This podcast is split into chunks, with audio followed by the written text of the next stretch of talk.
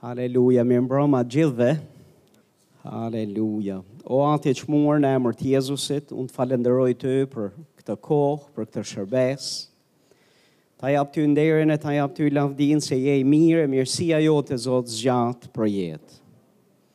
Faleminderit që ti e bekon këtë shërbesë. Faleminderit që ti e bekon, Zoti ynë, këtë kohë që kemi në praninë tënde. Faleminderit që ti do të ndërtosh në ne ato uh, mure mbrojtëse të cilat ti dëshiron.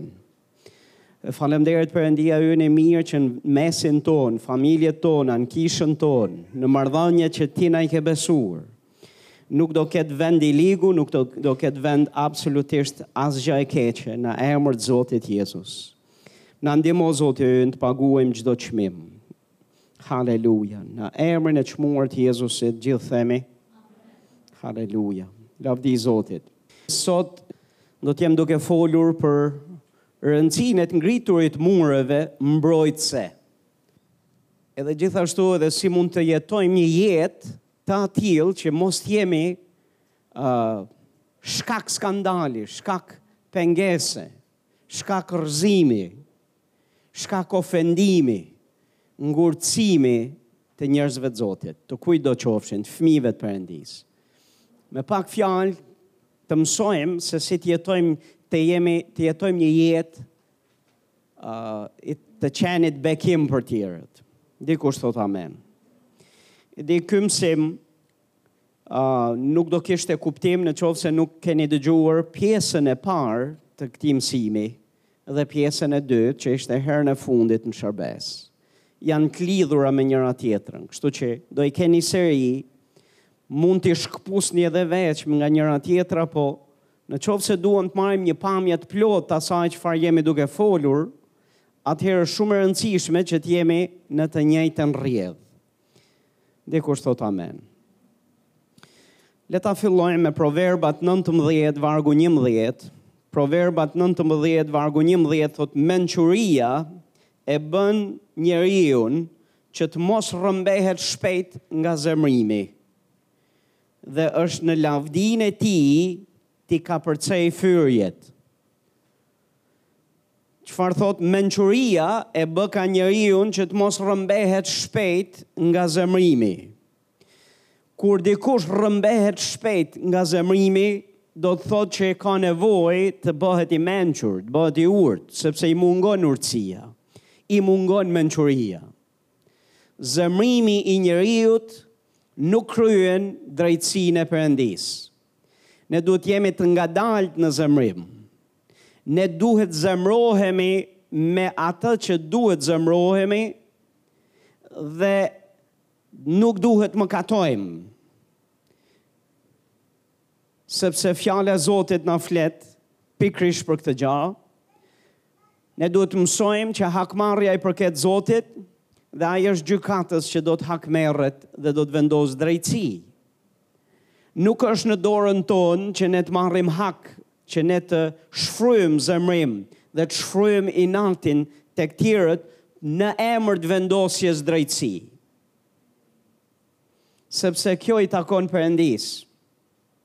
Po mençuria thotë e bën njeriun që të mos rrëmbehet shpejt nga zemërimi, që do të thotë në qoftë se fiton mençuri,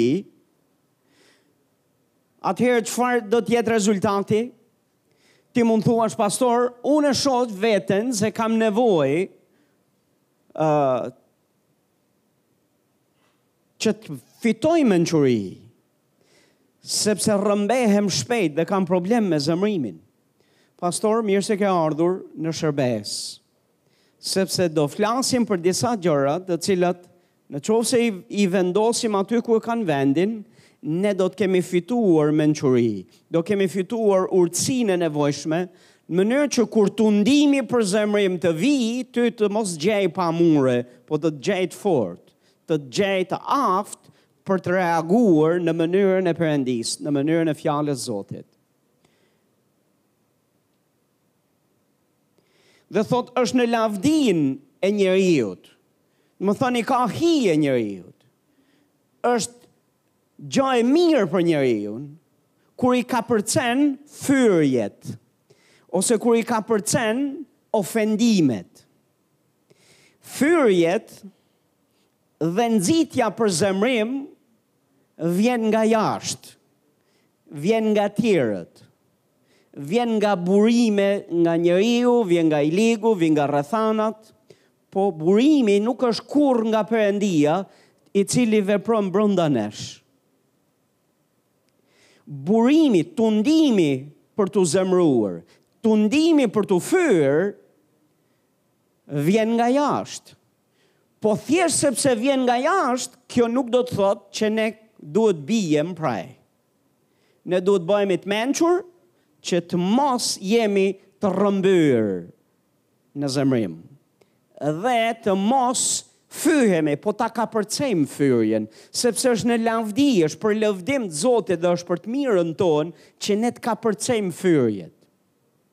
Dikush thotë amen. A është kjo fjala e Zotit? Kështu e keni edhe ju në Bibël, apo jo? Unë do t'ju flas për gjashtë gjëra të cilat janë me rëndësi t'i flasim. Disa prej tyre do i ripërsëris, sepse dua të thellohem akoma ma tepër në mënyrë që të ngulitet mirë në zemrat tona.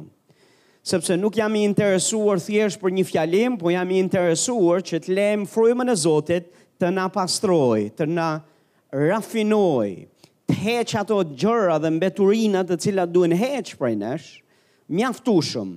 Dhe ata të cilët merren me mjekime plagësh në spitale dhe merren me operacione me radhë, shumë herë i duhet që të pastrojnë të njëjtën plagë me të njëjtën gjë. Derisa të sigurohen që gjëja është mirë, Edhe është edhe e pastër, edhe është mirë. Kështu që disa prej këtyre gjërave do i ripërsëris sepse ka shumë rëndësi t'i shohim nga këndvështrimi i duhur dhe të marrim kohë mjaftueshëm që të jenë pjesë e jona, sepse kur i zotrojmë këto gjashtë gjëra për të cilat do flas, Pastaj, do të gjesh që do jesh i parrëzueshëm.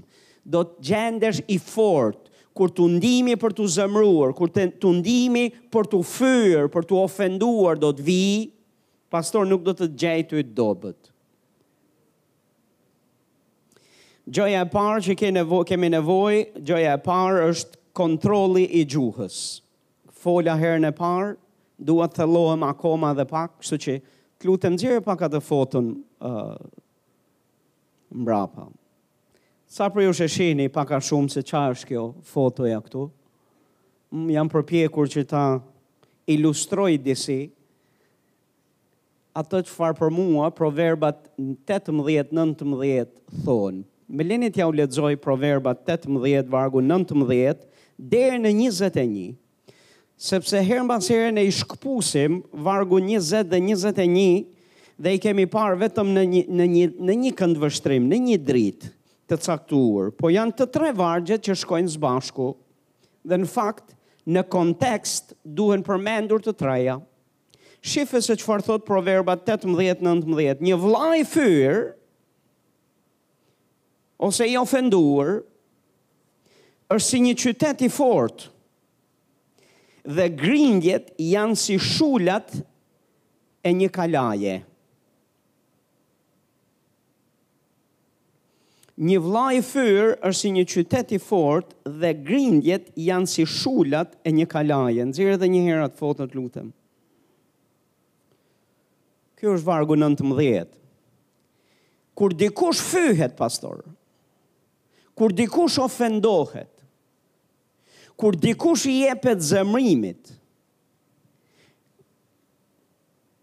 ka kaluar ka vënë një lloj muri rreth rrotull muri fortifikues dhe është brenda kalasë dhe është brenda një qyteti të fortë dhe thot kur vllai është i fyrë thot është si qytet i fortë që do të thot Në kuptimi i kësaj vargu është që është i vështirë për t'u arritur.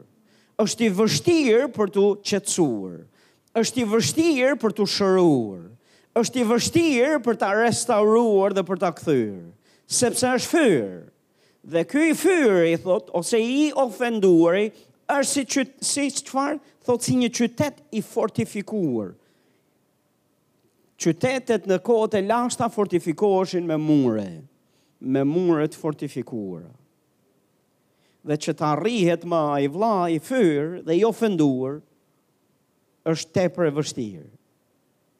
Dhe thot gjithashtu dhe grindjet janë si shulat e një kalaje.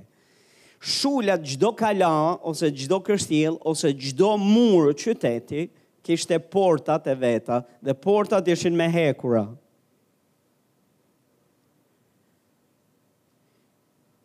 Kur një vla fyhet dhe ofendohet, kur një vla fyhet dhe ofendohet, grindjet janë reagimi i vet. Zemrimi është reagimi i vet. Dhe kur dikush i jepet zemrimit, i jepet grindjeve. Pastor, kur dikush i jepet fyrjeve mbrapsht. Kur dikush ju jepet inatit dhe shfryrjes së zemrimit në emër të vendosjes drejtësi, në fakt ai individ është i humbur simbas Biblës. Ai individ ka mëkatuar, sipas Biblës. Ai individ është mbrapa mureve dhe nëse shihni atje pak te dritarja, e shihni se çka ka atje apo jo? Është një litar vetvrasës. T'i jepesh pastor fyrjes, t'i jepesh ofendimit. T'i jepesh zemrimit. Je në mision vetvrasës për veten edhe për tjerët. Dhe një vlla i fyer në fakt është atje mrena dhe është i humbur dhe është tepër e vështirë për ta arrit. Nuk thash është e pamundur, Bibla nuk e thotë është e pamundur, por është duke fol, thotë është si një qytet i fortifikuar. Dhe thotë janë dhe grindjet janë si shuli, si shulat e një kalaje, që do të thotë si ato hekurat e pakalushme që s'tle me kalu. reagimet janë të tilla. Dhe një individ që është në kushte të tilla, pastor, është në nevojë për Zotin, në nevojë për mëshirën dhe hirin e Perëndisë, në nevojë për restaurim, në nevojë për t'u fituar tek Zoti, sepse ka rënë nga hiri i Zotit, ka rënë Dhe ai që ka mëkatuar ka nevojë të fitohet. A jeni këtu? Po si të fitohet kur qenka kaq i vështirë për t'u, për t'u fitu? Si mund të arrihet një njëri? Si mund ta shpëtojmë që mos të varet në litar, mos shkojë deri në fund? Si mundemi ta bëjmë? Shkrimi na e thotë vargu 20 dhe vargu 21. Ky është konteksti i këtyre vargjeve. Njeriu thotë e ngop barkun me frutin e gojës së tij. Ai ngopet me prodhimin e buzëve të tij. Ça është duke thanë? Është duke thanë që çfarë flasim, çfarë nxjerrim nga buza, do të na kthehet në prodhim. Të fyrit Grindjet që i nxjerr nga buza, që i nxjerr nga buzët e veta kanë prodhu, do të prodhojnë një rezultat, do të prodhojnë një lloj fruti. Dhe sa prej jush e dini që është frut i hidhur dhe është frut jo i mirë. Thotë njeriu vetë e ngop ka barkun me frutin e gojës tij, ai ngopet me prodhimin e buzëve të tij. Është duke fol vargu njëzet e një thotë vdekja dhe jeta në janë në pushtetin e gjuhës. Ata që e duan do të hanë frutet e saj. Ça është duke folur njeriu i Zotit? Njeriu i Zotit është duke thanë këtë gja. Kujdes gjuhën. Kujdes gjuhën. Kontrollo gjuhën. Dhe mësohu ta përdorësh gjuhën për të fituar jetë, për të prodhuar jetë, për të çliruar jetë dhe jo për të çliruar vdekje. Pastor, më lini t'ju flas këtu, fjalët kanë pushtet të madh. Fjalët kanë pushtet të madh për të vrarë apo për të ngritur lart, për të shkatërruar apo për të ndërtuar, për të turpruar apo për të lartësuar dikë. Fjalët kanë pushtet. Pushteti i jetës dhe vdekjes janë në gjuhë. Gjuha ka pushtet të madh. E vogël por mbahet me të madh. Dhe Jakobi thotë kush nuk gabon në të folur është i plotë, është i përkryer. Dhe thotë gjithashtu thotë nuk ka asnjë njeri që ka mundur dhe mundet ta zbusë gjuhën. Dhe flet për efektet dhe ndikimet e gjuhës nga ana negative. Po pse nuk e zbut njeriu, pse nuk e zbut dot ti dhe unë, e zbut Perëndia. Pastor na e zbut Perëndia dhe e bën që gjuha jonë në vend që të flasë vdekje e mallkim dhe dëmtim, pastor gjuha jonë mund të jetë bekim, mund të flasë fjalë jete, mund të flasë fjalë bekimi për tjerët. Në qoftë se fjalët tona, në qoftë se gjuha, kur dikush fyhet, kontrolli i gjuhës është nën, nën efektin e zemrimit dhe fyrjes, ça ka për të folur? Ka për të folur në grindje e sipër, do grindet. Do shfryjë zemrim. Dhe ndërkohë që shfryn zemrim edhe, edhe i fyri do të fyejë. Është e provuar pastor, është e provuar nga ata që kanë studiuar këtë punë, që njerëzit e lënduar lëndojnë, njerëzit e ofenduar ofendojnë. A jeni këtu? Njerëzit të cilët vuajnë për brenda vetes bëjnë tjerë që të vuajnë. Sepse çfarë ka njeriu është parimi i fjalës Zotit, çfarë ka njeriu atë edhe prodhon. Po shumë e rëndësishme pastor, gjuha. I ligu është mbas gjuhës tonë. Dhe shumë herë na vendos përballë tundimit për t'u fyer, përballë tundimit për t'u zemruar, përballë tundimit për të shfryrë inatin, për t'u hakmarrë, sepse do të marrë kontrollin e gjuhës dhe do që gjuhën tonë ne ta përdorim për të vrarë. Sepse ai është vrasës. Dhe a e dini që ai nuk ka pushtet, përveç pushtetit që ja jep njeriu, përveç pushtetit që ja japim ne, në mënyrë të veçantë kisha. Në mënyrë të veçantë ne. Kur ne çlirojmë fjalë negative, ne vendosim ligjin e fjalës Zotit në aktivizim. Ligjin e fjalës Zotit, jemi duke prodhuar vdekje. Ej, sa keq, nënat mallkojnë fmijt e tyre, duke u thanë nuk do bëhesh, duke u thanë vdeksh, Duke u thanë ti kurrë nuk do të bëhesh, ti nuk ke vlerë, nënat tona mallkojnë fëmijët dhe kur fëmijët vdesin dhe kur fëmijët dëmtohen dhe kur fëmijët shkojnë në rrugë të keqe dhe kur fëmijët nuk bëhen dhe kur fëmijët nuk dinë, pastaj ankohen dhe qajnë te dyert e burgjeve apo qajnë nëpër nëpër ë shpitë e tyre. Se çfarë i ka gjetur? I ka gjetur janë lidhur mbas fjalëve të tyre, sepse nuk dinë se çfarë flasin, nuk dinë se e folura e tyre në fakt është duke drejtuar kursin e jetës fëmijës vet. Po sepse ju janë ngritur nervat, sepse janë zemërur, sepse janë fyer, sepse janë të lodhur. Ekzaktësisht në kushte të tilla, i ligu kërkon gjuhën, sepse nëse merr kontrollin e gjuhës, atëherë ai mund të çlirojë vdekjen. Ai mundet të shtrijë vdekjen e vet mbi fëmijët, mbi mbi martesat, mbi gji, mbi kishën, mbi gjithë ne. Gjuha jonë ka pushtet, pastor.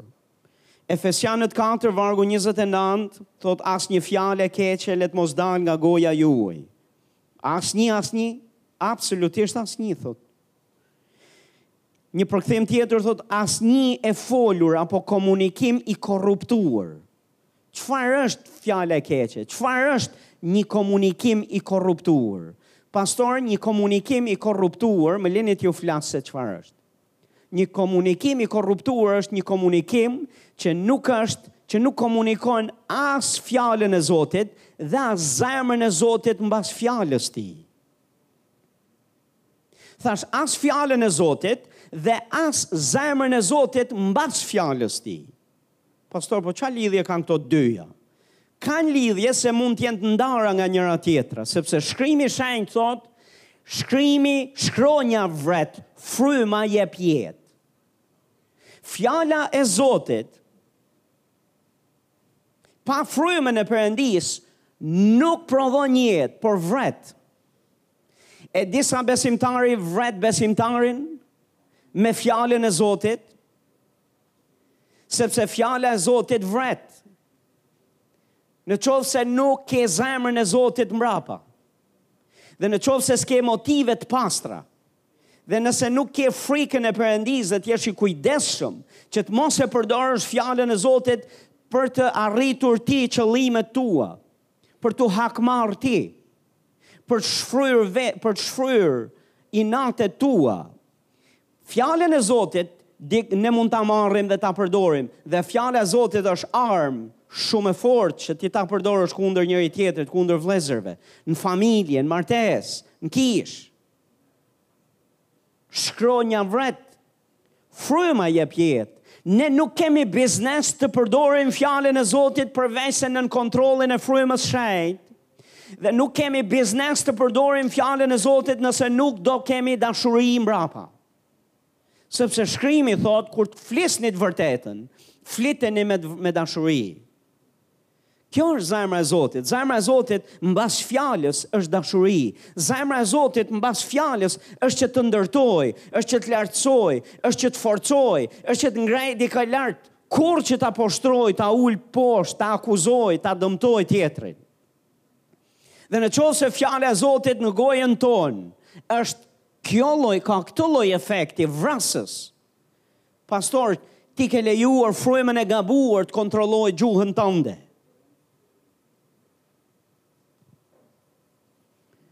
Ka ndryshim, pastor, mes të folurës fjalës Zotit dhe të folurës, të folurës së fjalës Zotit në dashuri, nga motive dashurie dhe nga fryma e Zotit.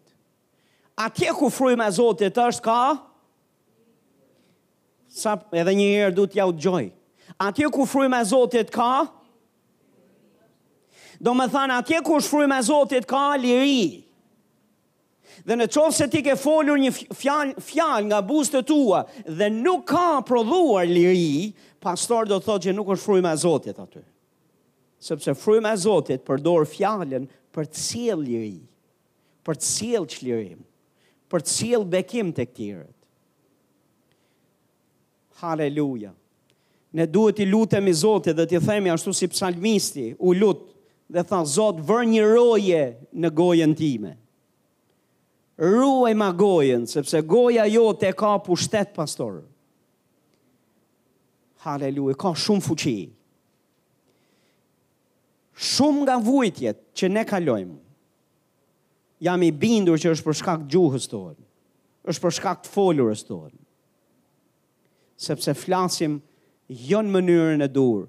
Komunikimi ynë është i korruptuar, nuk është sipas fjalës së Zotit dhe nuk është as sipas zemrës së tij. Dhe kur nuk është sipas fjalës së Zotit dhe sipas zemrës së tij, ajo gjë veç dëmton. Dëmton. Fjala e Zotit në gjuhën tonë është shpata e frymës.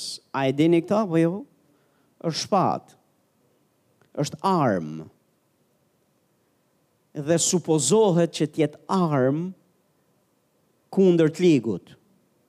Nuk supozohet kurrë që të jetë armë për të vrarë bashkëshortin, për të vrarë bashkëshorten, për të vrarë fëmijët, për të vrarë pastorët, për të vrarë vllajin, për të vrarë motrën.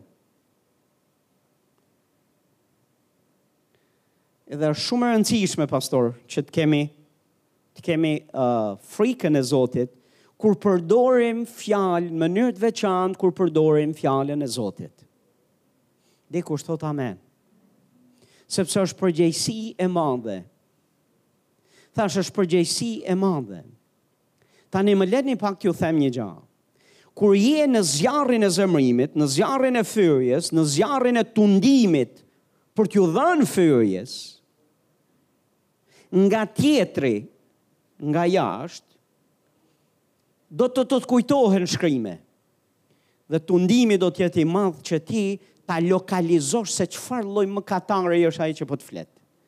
Hm, ta lokalizosh se sa çfarë lloj fryme është duke vepruar përmes tij. Apo saj. Hm, ti ta Wow. I ke të vijnë vargjet se në çfarë ujërash është tjetri. Por pastor, Bibla flet për një uh, Një atribut që besimtari duhet të ketë është zemërbutësia. Duhet të jemi të butë, duhet të jemi zemërbutë. Do t'ju flas më vonë për këtë rrugës. Të qenit zemërbutë nuk do të thotë që je i dobët. Nuk është dobësi. Nuk do të thotë që ti je çullac, a çullash, a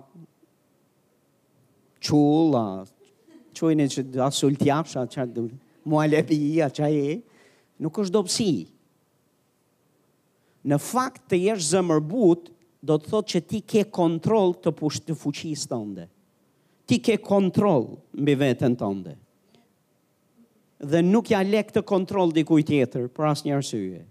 Dhe kur dikush e ka zemrën e butë, gjithmonë ka për të pas përgjigjet e duhura. Dhe kur të vijnë gjitha këto vargjet e Biblës, të cilat ti e kupton që tjetri është në çfarë mëkatesh të skëterrshme është duke notuar, ti e kontrollon gjuhën. Dhe në vend që ti të flasësh në zemërim dhe t'ia vesh në dukje tjetrit se çfarë mëkatari dhe çfarë fryme dhe çfarë shkrimesh ka thy, çfarë ligjesh të Zotit ka thy, hesht. Bën më mirë të heshtësh dhe të kontrollosh veten tënde. dhe të gjesh mënyrën për ta qetësu tjetrin. Tani pastaj, kur dikush tash fyhet, kur dikush i jepet grindjeve dhe zemërimit, realisht është në mëkat dhe ai është në hall dhe ka nevojë për ta ndihmu dikush. Si e ndihmojmë, fjalët e ndihmojnë. Dhe në qoftë se zgjedhim me kujdes fjalët, ne do të ndihmojmë. Bibla, Jakobi thotë, gjuha është si timoni i një anije. Anijet njihen se nuk kthehen në vend në çast. Janë nga ato lloj, uh, domethënë, ça i bie, mjeti, që merr kohë, dhe po t'i shohësh kur ecin nëpër det, domethënë ti thua, janë te hec, mo a s'janë te hec. Sepse ecin avash, avash, avash, avash, me të vërtetë ato janë shpejt, po avash, avash. Dhe kur duan të bëjnë një kthesë, nuk ka kthesa në vend. Ka kthesë e cila do kohë, e merr avash, avash, avash, avash, avash, avash. Kur anija është në det, Deti mund të jetë i trazuar, mund të përplasen dallgë mbi të, duan ta çojnë në drejtime të pakontrolluara. Po timoni i anijes që është i vogël i jep drejtimin atje ku do timonieri. Ti je timonieri i jetës tënde. Më dëgjo, ti je timonieri i jetës tënde dhe Zoti i do duart tua në timon. i do duart tua, ai do që ti të kesh vetëkontroll, ai do që ti t'i kesh duart te ky timon dhe ky timon është gjuha jote. Dhe nuk ka rëndësi se ça përplaset dhe ça vjen dhe ça do me çu me të nxjerr jashtë kontrollit ty. Në qovë se ti kontrollon të folurën tënde pastaj nuk ka gja që të çon ty nëpër brigje, nëpër shkëmbinj, nëpër vende të padëshiruara. Në qoftë se ti mëson të kontrollosh gjuhën dhe flet gjanë e duhur, jo veç vetë, po do, do bekosh edhe tjetrin i cili e ka humb arsyen. E ka humb arsyen. Dhe është në nevojë për ndihmë. Fjalët kanë pushtet, pastor. Shifni çfarë thotë, Proverbat 15 vargu 1. Përgjigja e ambël e fashit zemrimin. Por fjala therëse e nxit zemrimin. A mund ta lexojmë një zëri së bashku, ju lutem këtë varg? Përgjigja e ambël e fashit zemrimin. Por fjala therëse e nxit zemrimin. Tashti pyetja ime është a je nxitës zemrimi apo je fashitës i zemrimit?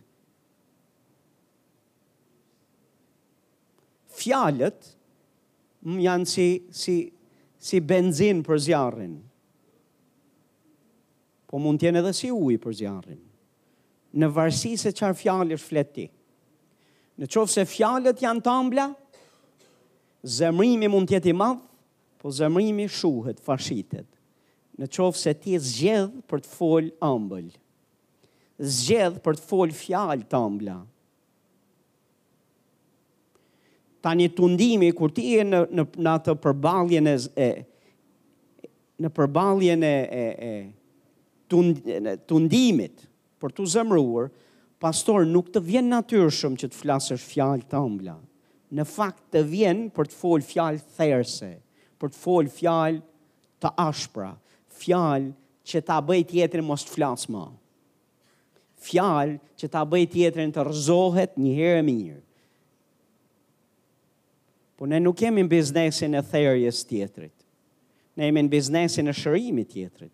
Dhe çfarë e shëron vllain e fyrë, çfarë e ndihmon vllain e fyrë, i cili është në mëkat dhe është Në mision vetëvrasje, fjalët e ambla, fjalët e ambla, fjalët e ambla fashisin zemrimin, e shuejnë zemrimin. Zgjidhi fjalët, pastor, me kujdes. Proverbat 16, vargu 24, fjalët e ambla, thotë, janë si një huall mjalti, ëmbëlsi për shpirtin dhe ilaç për kockat.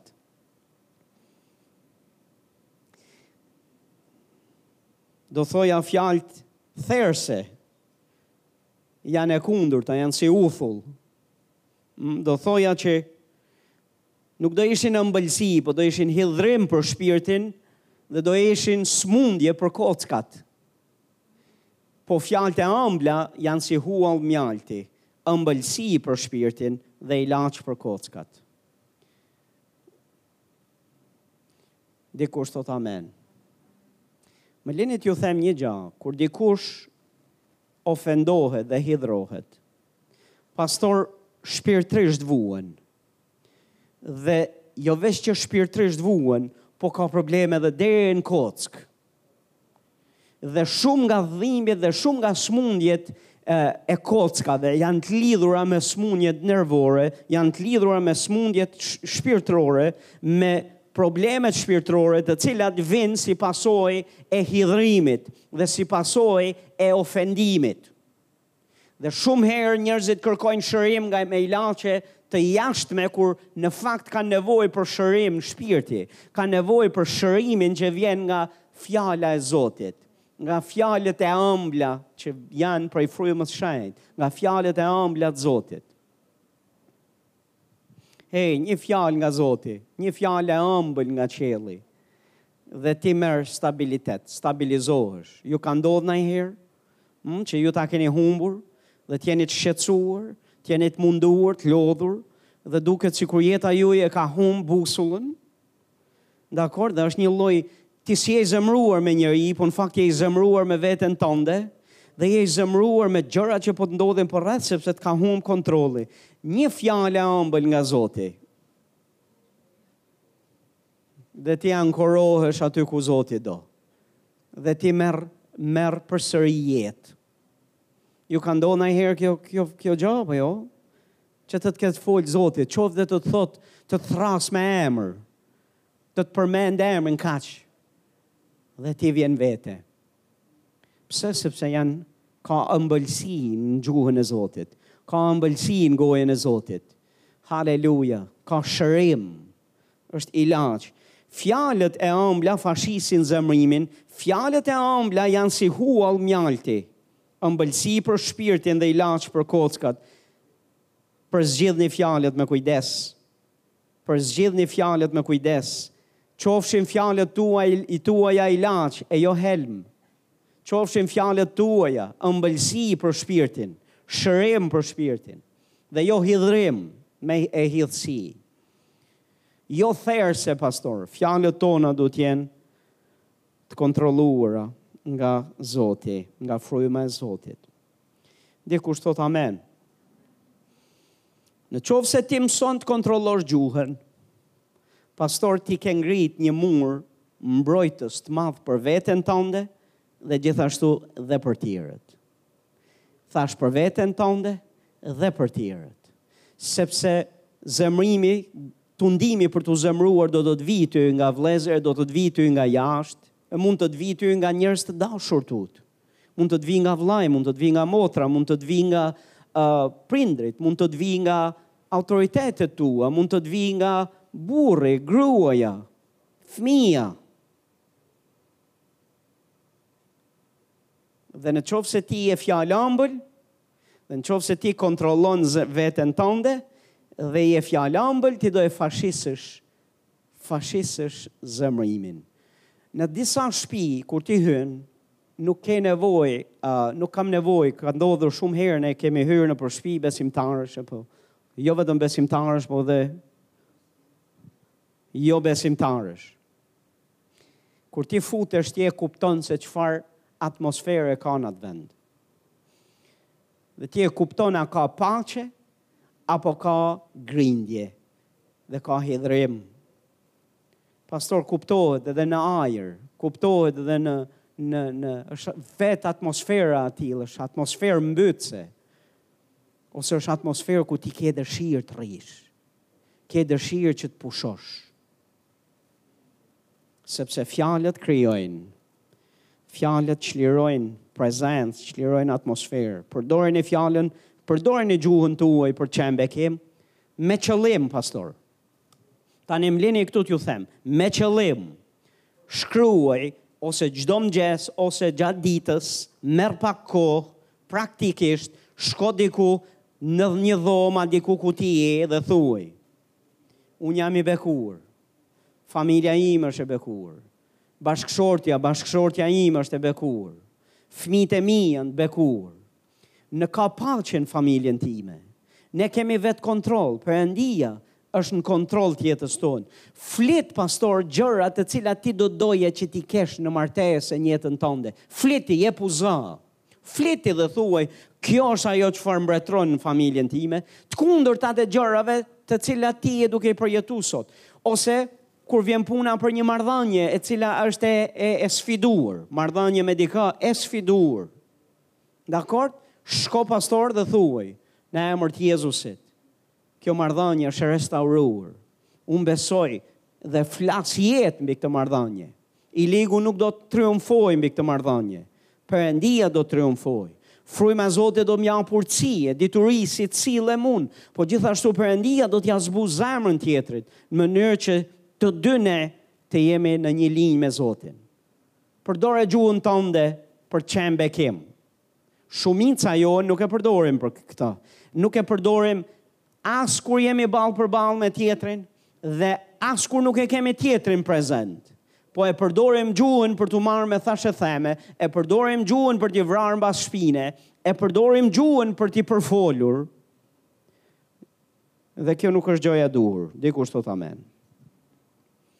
Mirë, gjëja e dytë për të cilën do flasim, Është thashë, ju thashë janë gjashtë gjëra dhe për secilën prej tyre mund të flas gjatë, po dua që t'i flas, t'i përmend të gjitha sot. Gjëja e dytë është kur faljen e shikon si detyrim dhe jo si sakrificë për shpërblim. Në qoftë se ti e ke të përvetësuar këtë mendësi kundrejt faljes që ti duhet t'jau japësh tjerëve, pastaj kjo ka për të të ndihmuar ty jashtëzakonisht shumë që të falësh shpejt dhe të falësh gjithmonë. Thashë që të falësh shpejt dhe të falësh gjithmonë. Mëkati i tjetrit nuk duhet lejuar që të prodhojë mosfalje në ty. Sepse mosfalja ka për të sjellë pasoja për ty edhe për tjerët. Mosfalja është karrem i të ligut për të të çuar ty në torturë dhe në mungesë të mëshirës së Zotit dhe do të pengojë lutjet tua. Prandaj ne nuk e kemi lluksin e të dhënit mosfaljes, e të dorëzuarit pas mosfaljes. Mëkati i tjetrit, thashë. Dakord, e quajta mëkati i tjetrit. Jo keqkuptimi Por mëkati i tjetrit, e çova në ekstrem, mëkati i tjetrit, nuk duhet të të lejojë, nuk duhet lejuar që të prodhojë mosfalje në ty. Sepse do të kesh pasoja, dhe pasojat i kalon ti. Do kesh torturë, mungesë mëshire, dhe mungesë përgjigje lutjeje. Luka 17, Atëherë Jezusi u tha dishepujtëve të vet, është e pamundur që të mos ndodhin skandale. Por mjerë ai për faj të të cilit vijnë. Për të thë do t'ishte më mirë t'i varnin në qafë një gur mulliri dhe ta hidhnin në det sesa të skandalizojë një të vetëm nga këta të vegjël. Po ndaloj të bëj një koment. Ne du t'jemi të përgjegjshëm për veprimet, sjelljet e motivet tona. dhe të sigurohemi që jeta jonë nuk është skandal për askënd. Nuk është pengesë, nuk ofendon askënd. Por që jeta jonë të bekojë njerëzit e tjerë.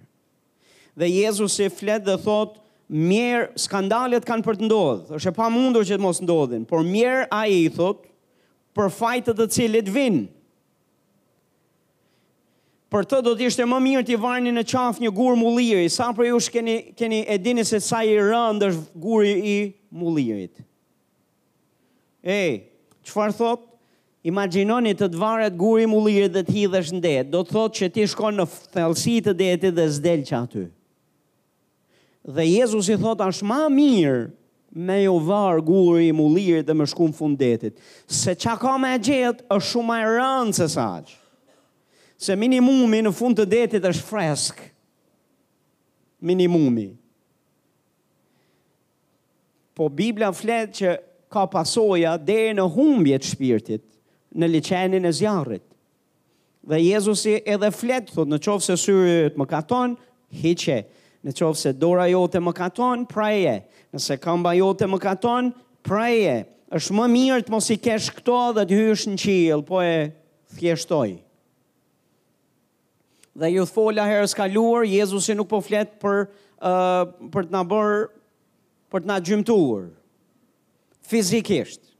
Po është duke folur që pikëpamjet tona duhet të jenë përputhje me Fjalën e Zotit. Por autoriteti që Zoti na ka dhënë nuk duhet abuzuar me të, por duhet përdorur për bekim. Gjithashtu ecja jonë, shembulli që ne kemi duhet të jetë shembull i mirë, shembull që Fjala e Zotit miraton. Dhe në qoftë se ndonjëra nga këto çalon, pastaj ne duhet ta heqim. Si e heqim? Pendohemi, pastor. dhe ndryshojmë rrugë. Dikush thotë amen. Thotë kini kujdes veten tuaj. Vini re vargun 3 thotë kini kujdes veten tuaj. Kini kujdes veten tuaj në këtë sens. Një që mos të ofendosh njeri, dy edhe që të mos skandalizohesh vetë dhe mos të ofendohesh vetë. Ruaje veten. Kujdes veten. Skandalet do të vinë, Po ti edhe mos ji, mos ji skandal për të tjerët, po kur të vijnë, mos u skandalizo vetë. Ruje veten tënde, ki kujdes veten.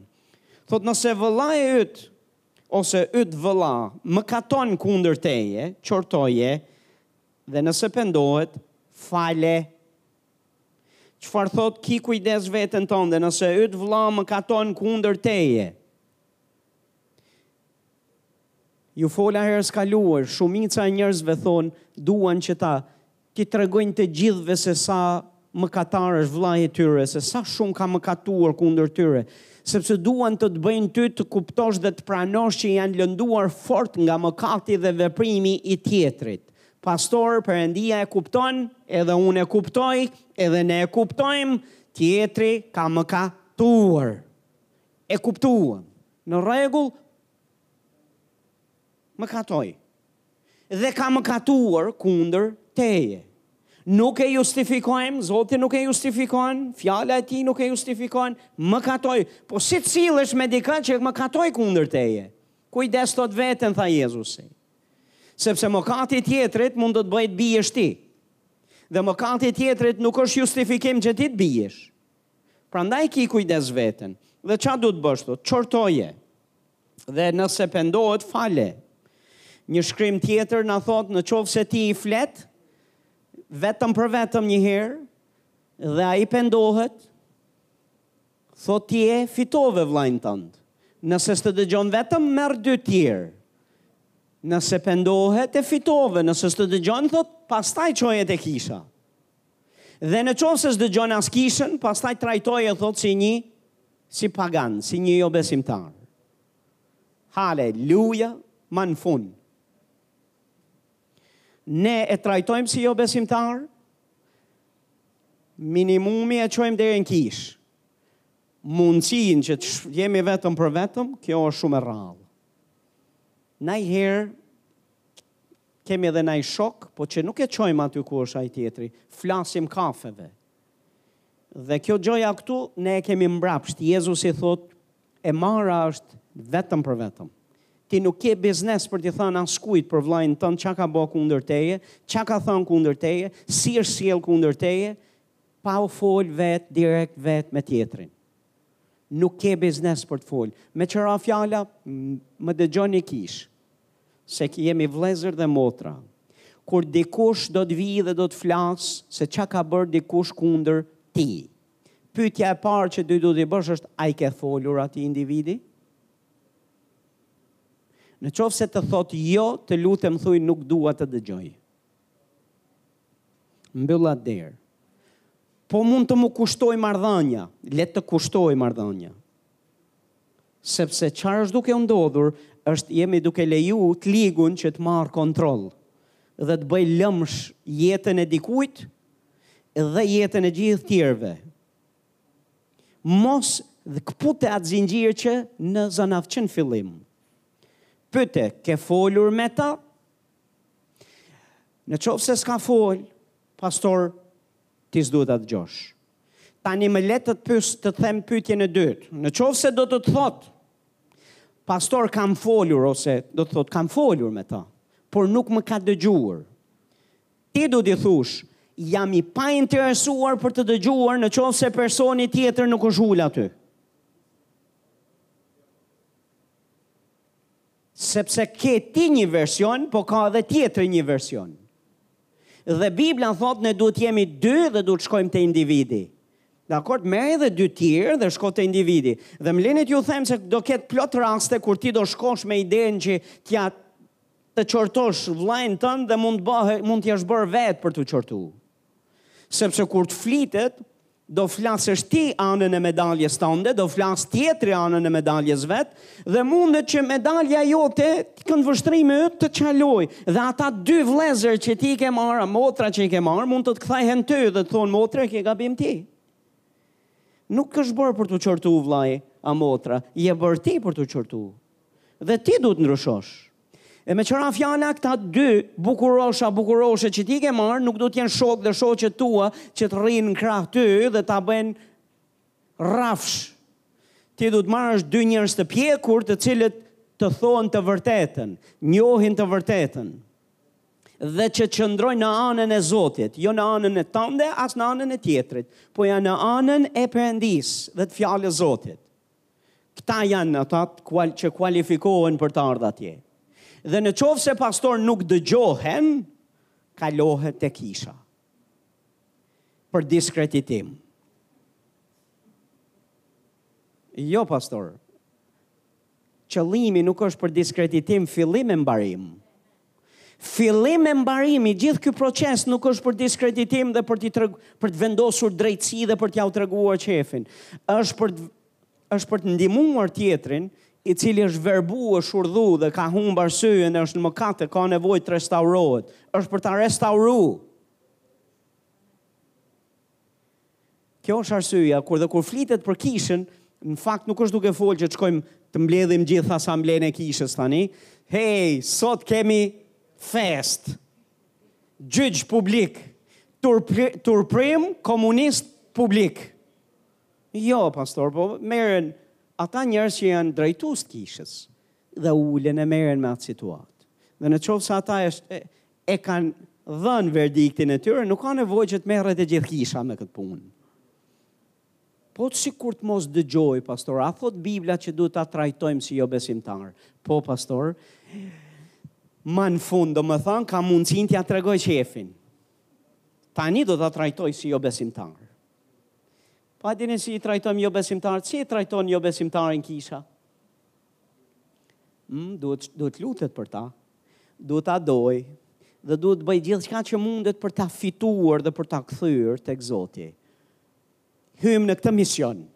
Pastaj jemi në misionin për ta kthyer prapë për ta fituar atë, prapë. Ej, po sikur të jetë armiku yt, po ça duhet të bëjmë me armikun tonë? Nëse të kërkon të hash, të hajë, jepi, për të ngrënë. Nëse kërkon të pijë, jepi për të pirë. Jo helm pastor, jep për të pi ujë. Dakord, nëse kërkon bukë, nuk do t'i fusësh gjëra që e dëmtojnë, po do t'i japësh bukë, në mënyrë që të jetë mirë. Dhe do kërkosh mirëqenien e tij. Dikush thotë, aman o pastor. Se ne mendum se kemi justifikim për t'u sjellë dhe për të bërë gjënë e gabuar. Jo pastor nuk e kemi në asnjë prej këtyre hallkave. Gjithë procesi është për ta arritur vllain. E pastor, qenka më mirë me qenë në anën e vllait që ka mëkatuar, sesa në anën e atij që ka vujt mëkatin e tjetrit. Pastor, janë një pjesë e besimtarëve të cilët jo veç që e mendojnë kështu, po nuk jau ndjen për veprimet dhe sjelljet dhe fjalët dhe ofendimet që jau japin tjerëve, absolutisht fare, sepse janë të ngurtë dhe mendojnë se janë të justifikuar me ngurtësinë e vet. Pastor, Çfarë thotë ky shkrim? Keni kujdes, nëse yt vëlla mëkaton kundër teje, qortoje dhe nëse pendohet, tha Jezusi, atëherë fale. Kur do ta falësh? Kur? Po nëse s'pendohet, pastor? Nëse s'pendohet. Mëkatari njëherë duhet, duhet pendohet dhe duhet kthy, duhet çu, duhet drejtu drejt pendesës. Mëkatari nuk çlirohet pa pendesë. Edhe sikur ta falim ne, dhe t'i themi je falur dhe biles as s'ke nevojë ta dëgjosh se të kam falur, je i lirë, të kam falur në prezencën e Zotit. Jo, mëkatari merr faljen e vet kur pendohet. Dhe nuk ka justifikim për mëkatarin pastor. Dhe mëkatari kushdo qofsh, qoftë. Dhe lutem që mos të jesh ti. Ti duhet ta marrësh seriozisht mëkatin tënd, në qoftë se ke mëkatuar, në qoftë se vëllaja, motra jote vjen dhe të thotë ke më ke më ke mëkatuar kundër meje, të lutem merre seriozisht. Sepse Perëndia është duke parë dhe e merr seriozisht veprimet dhe sjelljet që ti ke bërë dhe të lutem mos u përpiq t'i justifikosh, mos u përpiq t'i hedhësh përgjegjësitë gjetiu, në qoftë se ke mëkatuar ti vërtet, Pastor, kur ti e kupton që ke mëkatuar, pendohu dhe kërko falje. Dikush thotë amen. Sepse shoh këtë brezin e shthurur të kohëve të fundit. Hmm, brezi i shthurur i kohëve të fundit nuk të kërkon falje kur gabon. Nuk kërkon falje kur të ofendon, kur të fyen. Kur bën një gjë që ia bën të vështirë tjerëve të rrinë rreth rrotull tyre.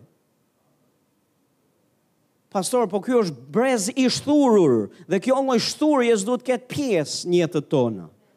Ne jemi fëmijë të Zotit, jemi të shenjtët e Perëndisë. Kemi një kod sjelljeje komplet tjetër. Dhe në qoftë se ke mëkatuar, Pastor dhe ti e kupton që ke mëkatuar, ke bërë gjënë e gabuar, ke fyer tjetrin, ke gabuar kundër dikujt, e ke lënduar dikë. Jo, jo, jo, nuk mjafton vetëm që ti të kthesh rrugë për veten tënde. Un kam ndryshuar, kam kthy rrugë. Ti ke kthy rrugë, po ia ke vendo, ia ke fut me lopatë tjetrit. I ke kërku falje? Ti ia ke fut me atë lopatën e gojës tënde tjetrit. Dhe i ke lënë plagë zemre. Ti e ke fy tjetrin. Shko një herë te tjetri, e ulu dhe i thuj më fal për veprimet e mia. Dikush thotë, amen.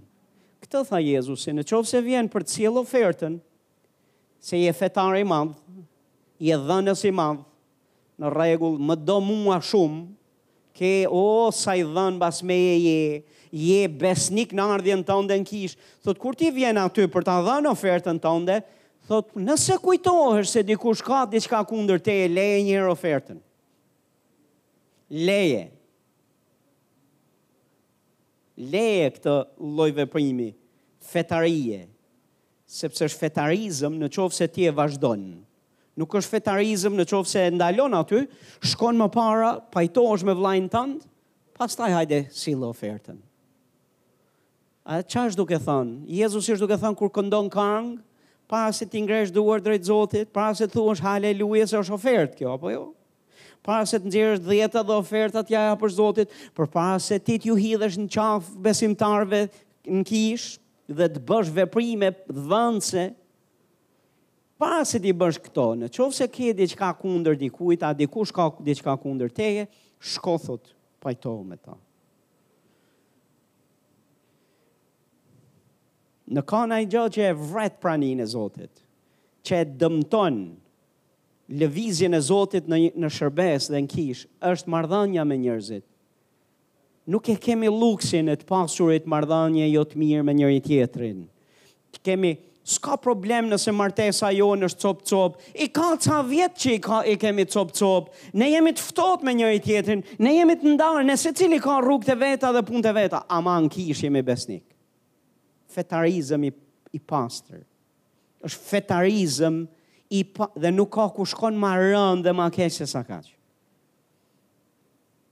E ke pranu si norm?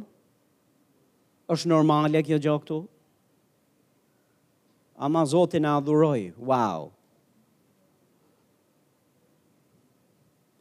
Pastor, je te praktiku ngurtësimin e zemrës, dhe nuk ka gjo ma keq sesa ta praktikosh në praninë e Zotit, ngurtësinë e zemrës. Do jap mësim një herë tjetër, nuk ka gjo ma keq sesa ta ngurtësosh zemrën tënde në praninë e Zotit, aty ku supozohet që zemra jote të jetë më e butë, më e ndjeshme, më e gatshme për t'u bind e për t'i thënë Zotit po. Në qoftë se zemra jote në praninë e Zotit nuk ndjen më, e, është bërë kallo, domethënë, në praninë e Zotit nuk e ndjen, se është pak ma normale të kesh zemrën e ngurë dhe mos ndjesh pik uh, bindjeje dhe pik probleme jashtë kishe, jashtë prani Zotit, po të hysh në praninë e Zotit, dhe të me t'u duk sikur është gjithçka normale, pastor jo, nuk është normale. Ki kujdes veten, nëse yt vlla mëkaton kundër teje qortoje dhe nëse pendohet ça thotë, Fale. Nuk thotë hakmerru, nuk thotë dënoje, nuk thotë pushkatoje, me fjalë e me veprime, po thotë fale dhe është urdhër. Pastor, është urdhër. Dhe sikur të mëkatonte, thotë shtatë herë në ditë kundër teje, dhe shtatë herë në ditë të kthehet te ti duke të thënë pendohem, fale. Atëherë apostujt i thanë Zotit, na e shto Zot besimin. E di pse i thanë na e shto besimin? Sepse e menduan. Unë Pjetri e mendoi dhe tha, shtatë herë shtatë, shtatë herë në ditë, po të shini tek Mateu, për të njëjtën histori, Pjetri erdhi te Jezusi dhe i tha, sa herë du ta falim? Shtatë herë në ditë? Jezusi i tha, shtatëdhjetë herë shtatë. dhe e çoi atje ku për mendjen e Pjetrit, për arsimin e Pjetrit, do të thoshte pa fund. Me që ra fjala 490 herë në ditë, duhet me qenë super, super, super i dedikuar për të mëkatuar. Duhet të jesh aq një me të ligun, sa duhet të kesh brirë. Që t'i bësh të mëkatosh 490 herë në ditë, Wow! Jezusi tha dhe sikur kjo të ndodhë, fale. Ti duhet të falësh pa fund, Pjetër. Prandaj thonë, na e shto Zot besimin, se janë duke thonë, wow, ça kërkese Zot, të lutem na e shto besimin, në mënyrë që të kemi besim gjigand dhe të madhë, që të jemi në gjendje që të bindemi kështu. Shih ça i thotë Jezusi, Dhe Zoti tha, Po të kishit besim sa një kokërr sinapi do të mund t'i thonit këtij mani, Shkulu me gjithë rrënjë e mbillu në det dhe ai do t'ju bindej. Ça është duke thënë Jezusi nuk është çështje besimi i madh. Është çështje vendimi. Dhe besimi i vogël, po vendimi yt për të bërë gjënë e duhur, është më i rëndësishëm. se sa të të shtohet besimi dhe të gjesh justifikime se ndoshta s'ke besim të madh. Jo, jo, jo, besim i vogël, vëre në praktikë atë që ke dhe fliti manit që të shkulet, mos e le manin të lëshojë rranjë. Manin e mosfaljes është duke folë.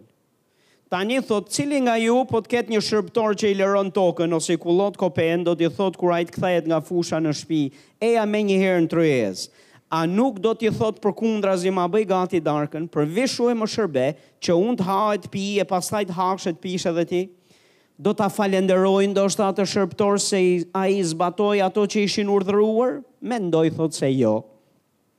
Kështu edhe ju, kur të keni bërë të gjitha ato që ju urdhërohen, thoni, Jemi shërbëtorë të padobishëm. Bëmë atë që kishim detyrë të bënim. Ça i thotë Jezusi? Jezusi është duke u thënë që është urdhër që të falësh. Dhe nuk është ta bësh ta shohësh si sakrificë për shpërblim. Mmm që të thuash unë u binda bëra zot tani më shpërble Jezusi thotë ky është detyrim dhe e çon në detyrim nëse e shohim si urdhër dhe detyrim faljen pastaj nuk do e kemi kurrë të vështirë të falim po mendo e di ku vështirësohet puna kur fillojmë me mendojmë sikur është sikur është diçka opsionale për ne sikur nuk është detyrim Dhe sikur Perëndia na ka borxh shpërblimin e faljes edhe gjërave të tjera të cilat me një medalje ari se ne kemi ne kemi falur. Dhe Zoti është duke fol nuk ka medalje dhe shpërblime për këtë falje. Kur t'i bën gjërat që të janë urdhëru, konsideroji thotë ça thotë, jemi shërbëtorë të padobishëm, bëmë atë që kishim detyrë të bënim.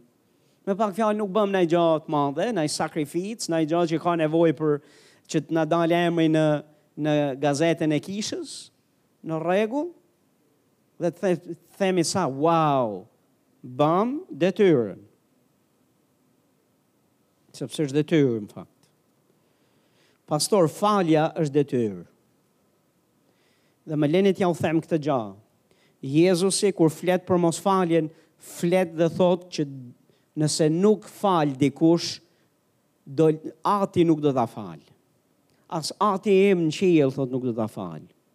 Gjithashtu thot që do dorëzohet torturuesve, kur flitet për shërbëtorin që torturoi atë që i kishte borxh, kur ishte falur nga mbreti për vete, për një borxh gjigant e të madh që s'e shlyente dot.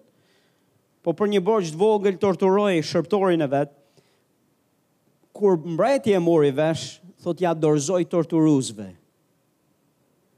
Pastor ka torturë dhe shumë njerëz vuajnë edhe me shëndet edhe shpirtrisht dhe mendrisht dhe vijnë edhe në kishë dhe duan që pastori të vendosë duart mbi ta që të shërohen dhe nuk shërohen pastor sepse kanë mosfalje në zemër a je këtu thash nuk ka pastor që mundet me i shëru në qoftë se nuk e çlirojnë zemrën për të falur njerëzit që kanë mëkatuar dhe i kanë lënduar në jetë Nuk është, nuk e kemi luksin e të mbajturit mosfalje në zemër. Pastor, jo pastor. Shifni te shkrimet tek Marku njëmbëdhjetë, vargu njëzet e katër e poshtë, ju do të gjeni kur flet Jezusi për autoritetin tonë dhe kur flet për fuqinë e lutjes, gjithmonë flet për mosfaljen. Dhe flet dhe na jep urdhër të falim, të falim, të falim. Pse? Sepse pengohen lutjet. Aty ku ka mosfalje, lutja pengohet. Prandaj i ligu është i interesuar që të mbjellë mosfaljen. Dikush thot amen. Haleluja, mos u shqetësoni se ishte vetëm pika e dytë, kemi edhe katër pika të tjera. Kështu që këto katër pika të tjera unë mendoj t'i lem për herës tjetër. Kështu që dikush prej jush tha haleluja. Amen, pastor. Haleluja, është Zoti i mirë. Haleluja. Shumicën e kohës, pastor, kur ne mendojmë për mëkat, për mëkatet dhe veprimet e tjerëve ndaj nesh, shumicën e kohës besimtarët e shohin si Do lutemi për ta. Ata kanë nevojë për ndryshim. Ata kanë nevojë për dhe realisht dhe ata kanë nevojë. Po mua më rezulton që shumicën e kohës ne këtej kemi nevojë për punë. Dhe kur lutemi që Zoti të restaurojë marrëdhëniet me njerëz të vështirë, njerëz të cilët realisht na kanë lëndu, Shumë prej shumë shumë shumë herë Perëndia nis e merret me ne. Merret me ne. Pastor, kur dikush ka mëkatuar, është në burgun e fortifikuar. Dhe e ka litarin gati me zemrimin e vet, me shfryrjen e grindjeve zemrimit vet, me shfryrjen e inatit, dhe me përdorjen e shpatës e gjuhës vet për të prarë për të prerë majtas e djathtas, ai e ka ngrit trekëndshin e jetës vet atje. A ka dikush që mund ta ndihmojë? Ka dikush që mund t'shkojë atje ta nxjerrë që aty? Ka dikush që mund ta shpëtojë e ta restaurojë atë individ prej atyt. Ka dikush që ka dashuri dhe ka forcë të brendshme për të shkuar dhe për ta ndihmuar një njeri të tillë, sepse në fund ditës ai është në mëkat dhe ai është duke vujt dhe do lëndojë veten e do lëndojë dhe tjerët. Po pastor, po kush po do mja ditë për ata, o pastor? Du t'ja di për veten time. Pastor Zoti do t'ja di edhe për ty, do t'ja di edhe për ata atje. Dhe në qoftë se ne i ngrejmë muret tona dhe i kemi, i kemi të fort të forta, pastor ne do jemi të paprekshëm për vete dhe do jemi instrument në duart e Zotit për t'arritur atje. Amen? Në qoftë se ti je falës, dhe fal shpejt.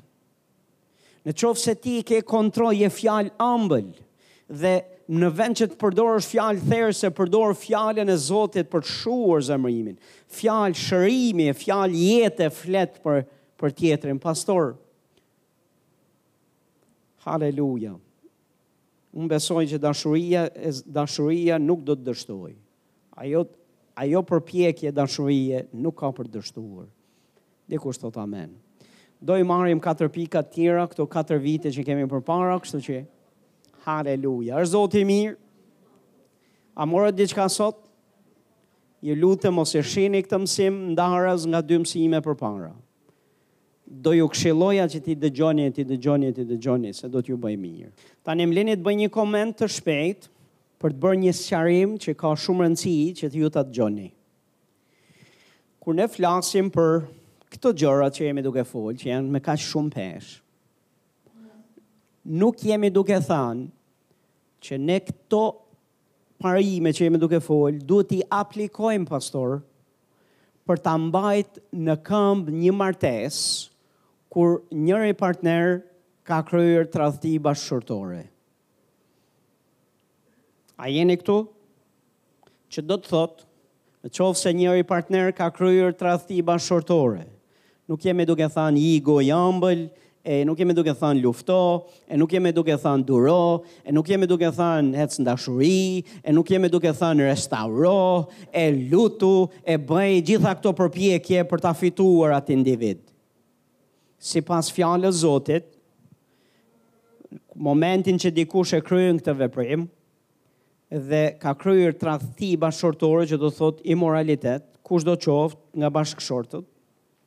Sipas Biblës, Perëndia aty ka dhënë bekimin e jep bekimin e vet për ta ndaluar atë martesë. Në qoftë se pala e dëmtuar do ta ndalojë aty. A jeni këtu? Në qoftë se pala do ta ndalojë. Ka raste, pastor, kur individi që ka pësu dëmin, zgjedh që të ecë në mëshirë, të ecë në hir dhe të ecë në falje. Do t'i besoj Zotit për ta restauruar marrëdhënien. Pastor, ë, uh, si? Po sigurisht, në qoftë se ka pendesë te krahu tjetër. Dakord dhe ka pendesë të sinqertë, individi i dëmtuar mund të zgjedhë. Perëndia nuk e ndalon, nuk i thotë ej, tani me vërtet i do me e ba ti s'po më bindesh mua në qoftë se do të falësh dhe të. Jo, Perëndia mbështet. Dhe pastaj të gjitha këto parime që jeni duke dëgjuar duhet hyjnë në punë. A është e pamundur? Jo, nuk është e pamundur. A është udhë e vështirë? Është shumë e vështirë. A është e pamundur? Jo, pastor. A ia kanë dalë njerëz që të restaurojnë martesën edhe në kushte të tilla? Ia kanë dalë, pastor. A ka pasur raste që njerëz kanë dështuar dhe pse kanë provuar? Po, pastor, po ata që kanë dështuar, kur janë kthyer kanë thënë të paktën unë bëra edhe një përpjekje më shumë. Dakord, nuk u ka shku dëm askujt atyre që kanë bërë kanë bërë hapa ekstra për këtë punë. Po ata që jeni duke më dëgju këto këto këto mesazhe, nuk dua që t'i dëgjoni dikush, t'i dëgjojë dikush për ju dhe të thoni pastor unë jam i abuzuar, po në këtë pikë po unë dëgjova predikimet tua dhe jam i inkurajuar që të Ul kokën dhe të duroj abuzim të tillë të vazhdojë. Jo pastor, nuk jam duke thënë këtë. Së dyti, në qoftë se dikush ë dhunohet fizikisht e seksualisht, një lloj abuzimi i kësaj natyre, të lutem, nuk është nuk ka parime të tjera dhe mësime të tjera dhe ti duhet me fol me njerëzit e Zotit edhe që t'i aplikohen tjera sepse i aplikohet tjetër gja, jo këto parime. Ti nuk ke pse ul kokën dhe vazhdon të dhunohesh dhe të abuzohesh seksualisht me idenë se je duke ndihmu, je, je duke rezistuar dhe duruar. Jo pastor. Ka aplikohen tjera ligje dhe parime në kushte të kësaj natyre. A më dëgjuat? Haleluja! Kur një gjë e tillë është duke ndodhë, duhet me u largu, është komplet tjetër. Ti duhet me u largu nga ai lloj abuzimi. Ti duhesh rujt nga një abuzim i kësaj natyre. Haleluja! A është Zoti i mirë? Kështu që ishte me rëndësi që ta bëj këtë koment. në mënyrë që të kuptoni që jemi duke folë për bashkësinë me njëri tjetrin, për marrëdhënien me njëri tjetrin, jemi duke folë për grind, nivel grindje, jemi duke folë për nivel fjalësh të ashpra, jemi duke folë për nivel zemrimi, jemi duke folë për hidhrim, edhe jemi duke folë për këto gjëra që nuk janë domosdoshmërisht te kjo shkalla që fola pak më herët.